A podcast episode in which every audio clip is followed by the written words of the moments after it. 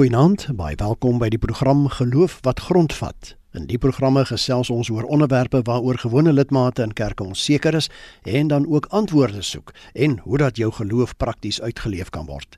Ek is Flip loods en by my verwelkom ek vanaand vir professor Christina Landman. Sy sit by in ons besprekings en sy is professor in teologie aan Unisa.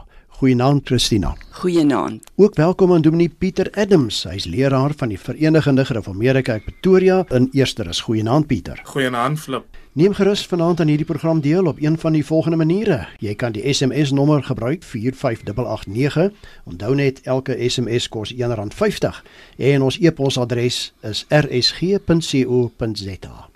Onthou dat hierdie program nie aan jou as luisteraar voorskrifte gee van presies hoe om te lewe nie, maar riglyne waarbinne jy self keuses kan maak. RSG stem ook nie noodwendig saam met die opinie van enige persoon wat aan hierdie program deelneem nie. Christina Pieter, volgens artikel 30 van die Nederlandse geloofsbelijdenis is dit die plig van die kerkraad van 'n gemeente om die tug te beoefen. Luister nou mooi sodat die oortreders op geestelike wyse gestraf en in toom gehou kan word. En daarby sê Calvin oor die kerklike tug, die kerklike tug is soos 'n tuil om hulle wat hulle self teen die leer van Christus verset te beteel of soos 'n vaderlike roede waarmee hulle wat hulle self swaar besondig het sag en na die wyse raad van die gees van Christus getugtig word. Nou ja, geloof wat grondvat gesels aan vanaand hieroor, naamlik kerklike tug. Christina, Kom ons skop af met jou. Jy's nie net dosent nie, maar jy's ook predikant in 'n gemeente van die Verenigde Gereformeerde Kerk. Jy kry baie met dominees en lidmate te doen. Hoe dink en reageer lidmate oor die kerklike tug? Flip in Suid-Afrika het ons nou meer as 10000 kerke. So ek sal sê lidmate reageer op drie verskillende maniere op die kerklike tug. Ek dink as hulle aan 'n kerk behoort wat meer van 'n westerse agtergrond het, herkoms het, in daardie kerke word die tug baie stadig toegepas op die oomblik. Gewoon nie omdat die kerk sy tug wil verwaarloos nie, maar weens die situasie waarin kerke is waarin hulle maklik lidmate verloor en ook omdat daar natuurlik wanneer die reg inkom dan is daar lidmate wat sommer die kerk kan na die hof toe neem as jy voel dat jy in openbaar beledig is deur die kerk. Dan is daar in die tweede plek kerke soos die een waaraan ek behoort die VGK waar die tug nog redelik toegepas word leertug wanneer 'n mens iets sê wat teen die belydenisse van die kerk is Dit word nie meer so baie toegepas nie, maar daar is wel nog 'n gewoonte dat as 'n meisie swanger word terwyl sy nie getroud is nie, moet sy aansoek doen om onder te geplaas te word by die kerkraad en daarna by ons is dit 3 maande doen sy weer aansoek om dan weer haar kerklike regte terug te kry. Daar is baie gesprek daaroor in die kerk. Daar is van ons M en D studente wat daaroor werk. En dan is daar ander kerke wat ek maar die onafhanklike kerke sal noem wat 'n baie interessante verskynsel hier in Suid-Afrika teweegbring. En dit is dat daar dat hierdie kerke, die onafhanklike kerke wat nou nie hoofstroomwerke is nie, wat deel is van hierdie 10000 kerke wat ons in Suid-Afrika het, dat hulle geweldige streng maatreëls vir hulle lidmate het, verskriklik streng. En dat hulle hulle geweldig straf as hulle dit oortree en dat die mense dit eintlik soek. Dit is 'n baie interessante verskynsel wat baie baie net in Suid-Afrika voorkom. Ja, dit klink vir my baie interessant dat mense soek om getuig te word en jy sê in die Verenigde Gereformeerde Kerk moet mense aansoek doen om getuigtig te word. Ja, kyk jy kan nie jou kind doop as jy 'n kind het wat buite die eg gebore is, dan kan jy nou nie jou kind doop as jy nie eers aansoek gedoen het vir tug en dan na by ons soos ek sê 3 maande weer aansoek doen om dan jou kerklike regte te herstel nie. Maar soos ek sê daardie is baie sterk onder bespreking op die oomblik. Nou my vraag sou nou wees is die situasie waarin elke mens hom bevind nie eerder 'n baie persoonlike saak tussen hulle en God nie. As jy nou iewers oortree, dan moet jy nou mos vir die Here om verskoning vra. Watter reg het kerke om hulle oor die sedelike en die etiese lewens van hulle lidmate uit te spreek, selfs tot die mate dat hulle getug word? Dit is 'n baie interessante vraag wat jy hier vra. In watter mate kan die kerk eintlik op mense se privaat lewe kommentaar lewer? Nou die kerklike tug werk eintlik sodat die kerklike tug net toegepas kan word op dit wat jy kan sien. Met ander woorde, as iemand nou sondige gedagtes het, dan kan die kerk dit nou nie tug nie. Maar ongelukkig het dit nou so gebeur dat as jy nou swanger is en jy's nie getroud nie, dan kan die kerk dit sien en daarom word dit nou baie daarop nog toegepas of uh, gevalle sê maar van van dronkenskap of egskeiding of so. Dit word soos ek sê in wisselvallige maniere in verskillende gemeentes toegepas. Ons het byvoorbeeld 'n geval gehad waar 'n man aansoek gedoen het om onder te geplaas te word omdat hy geskei is. En toe sê die kerkraad nee, hulle gaan hom nie onder te geplaas nie. Dit was nie sy skuld nie, ook ander redes. Toe besluit hy nee, hy gaan nou onder selftug plaas en na ruk het hy teruggekom na 3 maande, hy het R100 betaal wat vir hom baie was en hy het toe gesê nou beskei homself as nie meer onder tug nie, maar dit was vir hom belangrik dat die kerk moes notisie neem van die feit dat daar iets gebeur het waarop hy nou soos die Engels sê closure moes kry. Moes hy dan nou geld betaal om los te kom van die tug? Nee, dit is nie deel van die kerklike tug. Jy koop nie jouself nou weer vry nie, hoe genaamd nie. Maar hy het dit so geïnterpreteer en dit was vir hom 'n uh, so vir 'n prosedure om nou hierdie deel van sy lewe af te sluit en te voel dat hy is nou vry om 'n uh, lewe te lei sonder hierdie ding wat nog om sy nek gehang het. Ja, hy het nou sy skuld betaal, nê? Nee. Ja. hoe nodig in die lig van wat ons nou alles gehoor het en gesê Christina, hoe nodig sou jy sê is kerklike tug? Kyk aan die een kant dat jy nou as 'n inleiding gesê dat dit is die plig van die kerk en dan van die kerkraad om die kerk te beskerm teen dwaalleringe en wanneer sy belydenisse oortree word of ondermyn word. 'n Kerk moet dit doen, anders is dit eintlik nie meer 'n kerk nie.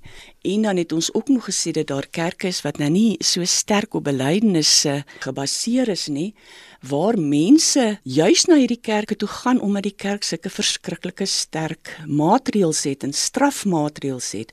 Dis vir hulle 'n soort van 'n uh, bewys daarvan dat die dat daardie kerk vir hulle omgee en dit is hulle identiteit om dan binne hierdie kerk so te beweeg. So die kerklike tug is nodig gewoon omdat dit in ons belydenisskrifte staan dat die kerk moet homself teen dwaalleer beskerm. Wat nou hierdie persoonlike dinge so swangerskap en egskeiding en so betref, sal 'n mens nou dan kan vra. Maar is kerklike tug nou werklik nog nodig is, of is dit 'n gesprek wat die wat die dominee met mense moet voer? Is moet daar uh, groepe wees in die kerk wat hierdie probleme optel? Waarom drink iemand te veel? Waarom slaan mense mekaar? Daar's miskien ander maniere dan om dit te hanteer as deur die tug. Ek sien ook dat kerke, hulle het nou nie meer 'n tugkommissie nie, hulle het 'n tug en herstelkommissie en dit is die idee is dat daar herstel sal wees. Voor ons verder gesels oor die kerklike tug en voor Pieter ook sy insette gee, ek het met die mikrofoon by 'n klompie kerkmense gaan kers opsteek oor hoe hulle voel oor die kerklike tug of soos ons dit ook baie keer ken, sensuur.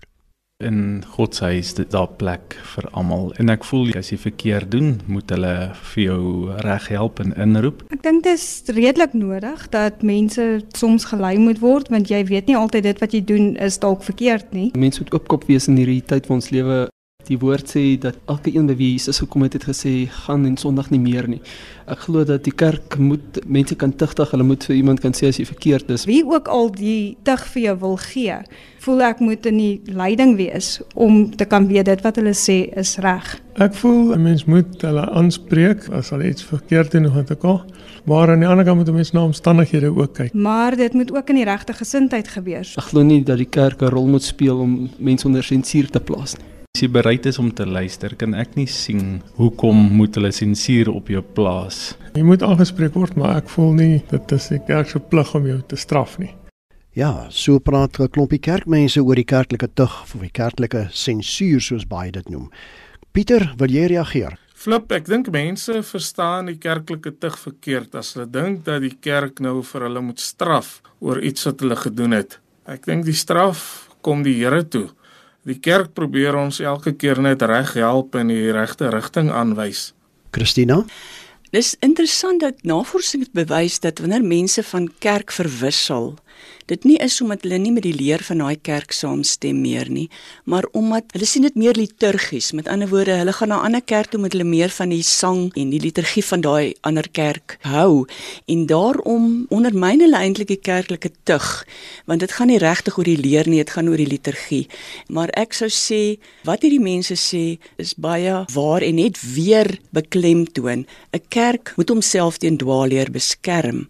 Maar die probleem kom nou in wanneer dit oor hierdie persoonlike goed gaan.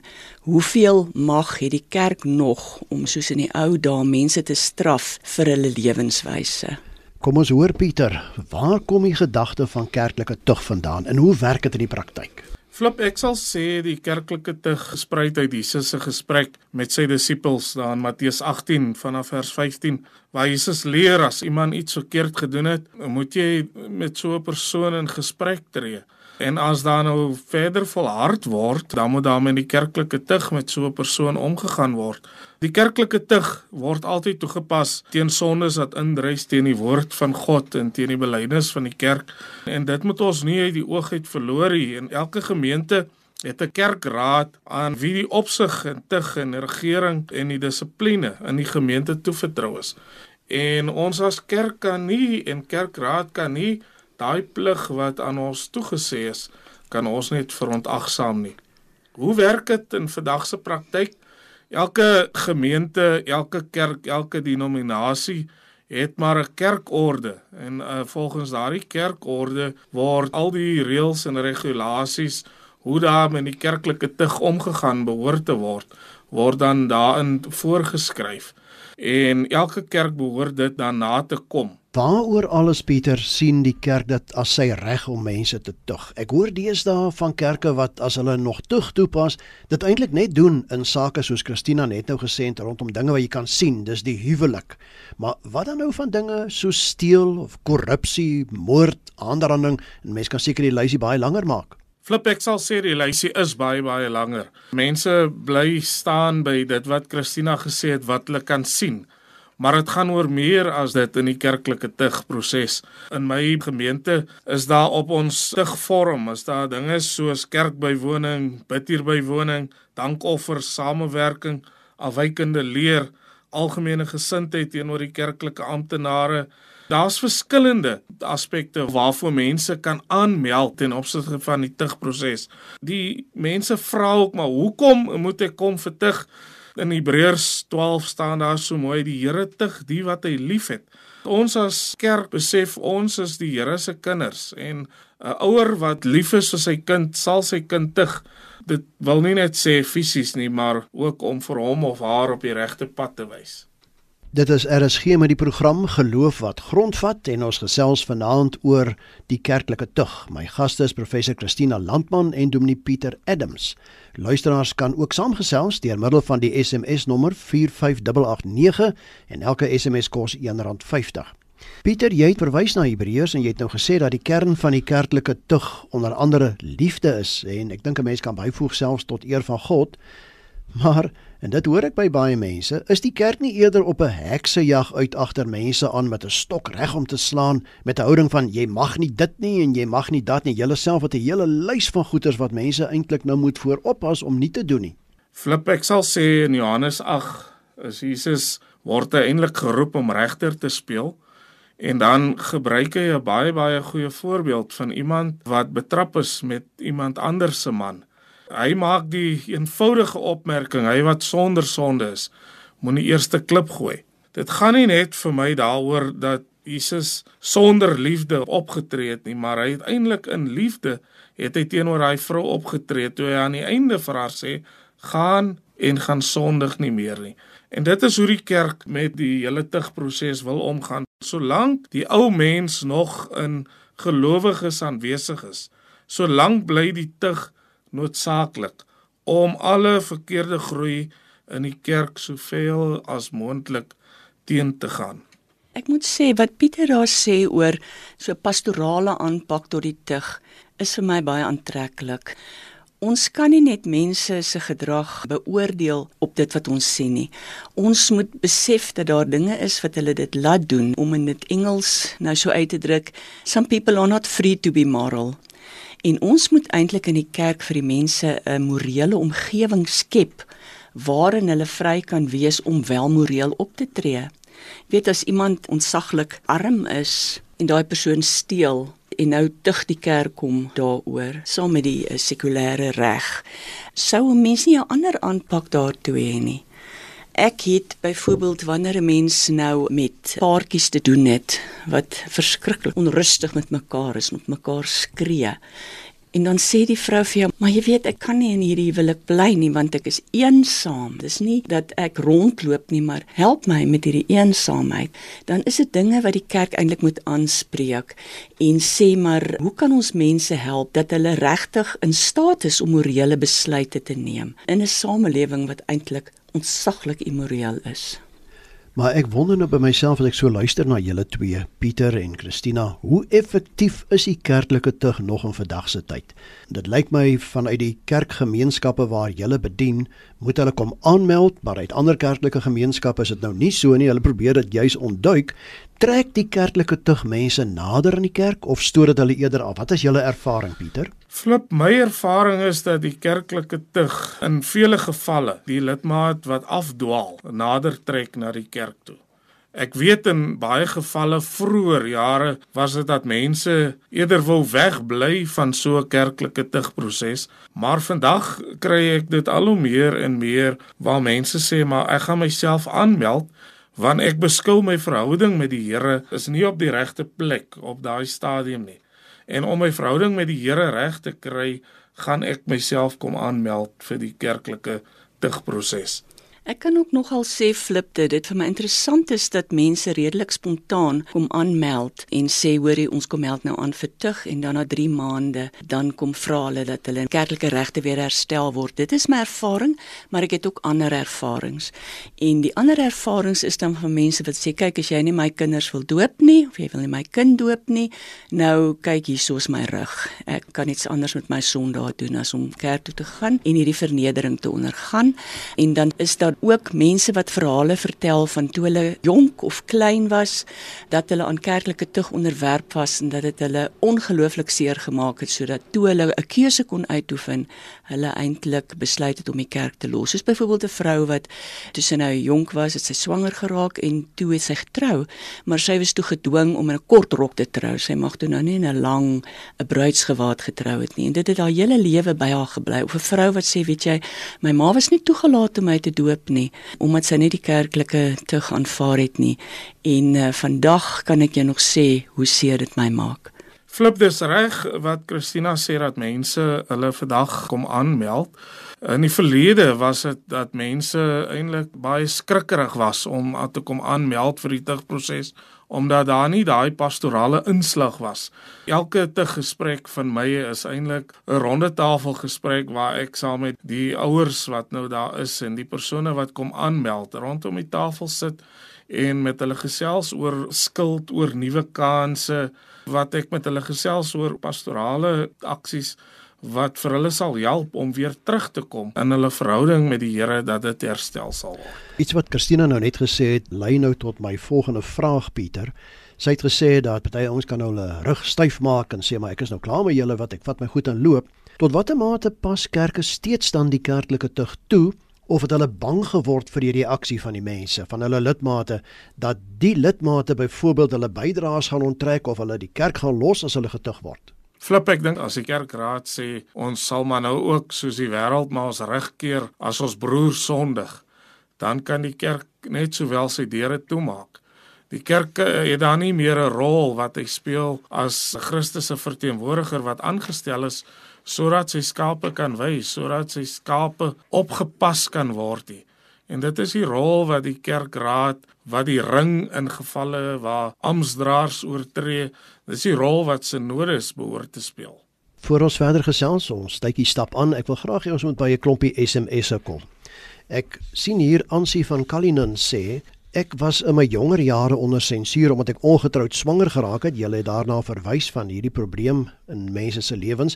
Nou almal het daarvan geweet skrywe sy want dis in die kerk aangekondig toe die kerkmense my vermy. Was dit reg van die kerk, Pieter? Flip ek sal sê dit was nie reg van die kerkie, want die kerk wil nie mense vervreem deur die kerklike tugproses nie. Ek beskou die tug eerder as die hand van die kerk wat die gevalle lidmaat eerder wil ophelp.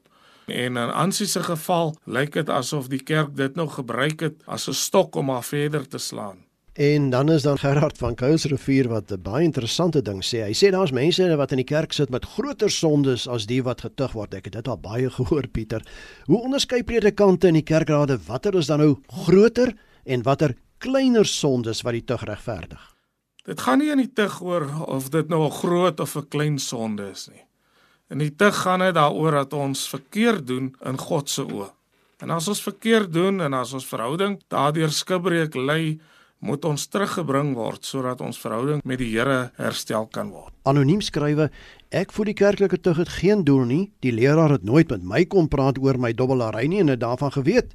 En toe ek weer hoor as ek onder sensuur. Hoe werk dit? Ek voel vere vir die kerk. Ek dink hierdie lidmaat het regtig rede om te kla en om te wonder oor wat is die kerk se motief in hierdie geval want dit is juis hoe die kerklike tug soos Pieter gesê het nie moet werk nie. Dit gaan juis daaroor dat mense gesprek met mekaar hê dat daar mediasie moet wees. Ons voer ook nou baie sterk mediasieproses in die kerk in dat die mense wat geaffekteer is deur 'n spesifieke kom ons noem dit nou maar sonde soos dobbelary of drinkery of geslaanery dat daardie mense almal in 'n gesprek met mekaar moet tree en dat die kerk dan die persoon is wat bemiddel en herstel en gesond maak. Dis waaroor dit gaan in die kerklike tug. Flip kan ek net byvoeg? Ek het 2 weke gelede weer met my kerkraadsvergadering toe ons weer praat oor die tugproses met hulle dit net weer verduidelik en gesê Die tugproses is eintlik maar gesprekke. In die eerste plek waar jy as kerkraadslid met daai lidmaat 'n gesprek het en dan meld die persoon aan by die kerkraad en dan het ons ek self met van die ouderlinge 'n gesprek verder met daai lidmaat om aan die einde van die dag te sê maar ons kan nie net die tug toepas en nie die lidmaat probeer help dat hy of sy se verhouding met die Here herstel word nie. Ek wil ook maar net bysê dit lidmaat het baie keer 'n behoefte om van die dominee te hoor wat is reg en verkeerd en dat hulle jou dan in 'n posisie sit dat jy moet uitspraak gee oor wat is reg en verkeerd. Ek persoonlik sou dit nie graag so wou behandel nie. Ek sou dit eerder wil hanteer as wat is die effek van wat ons doen op mekaar en waarmee ons die beeld van Christus aantas in ons lewe en leer en dan van daar af gaan om te kyk wat is 'n oplossing. Kollegas, ons moet begin saamvat.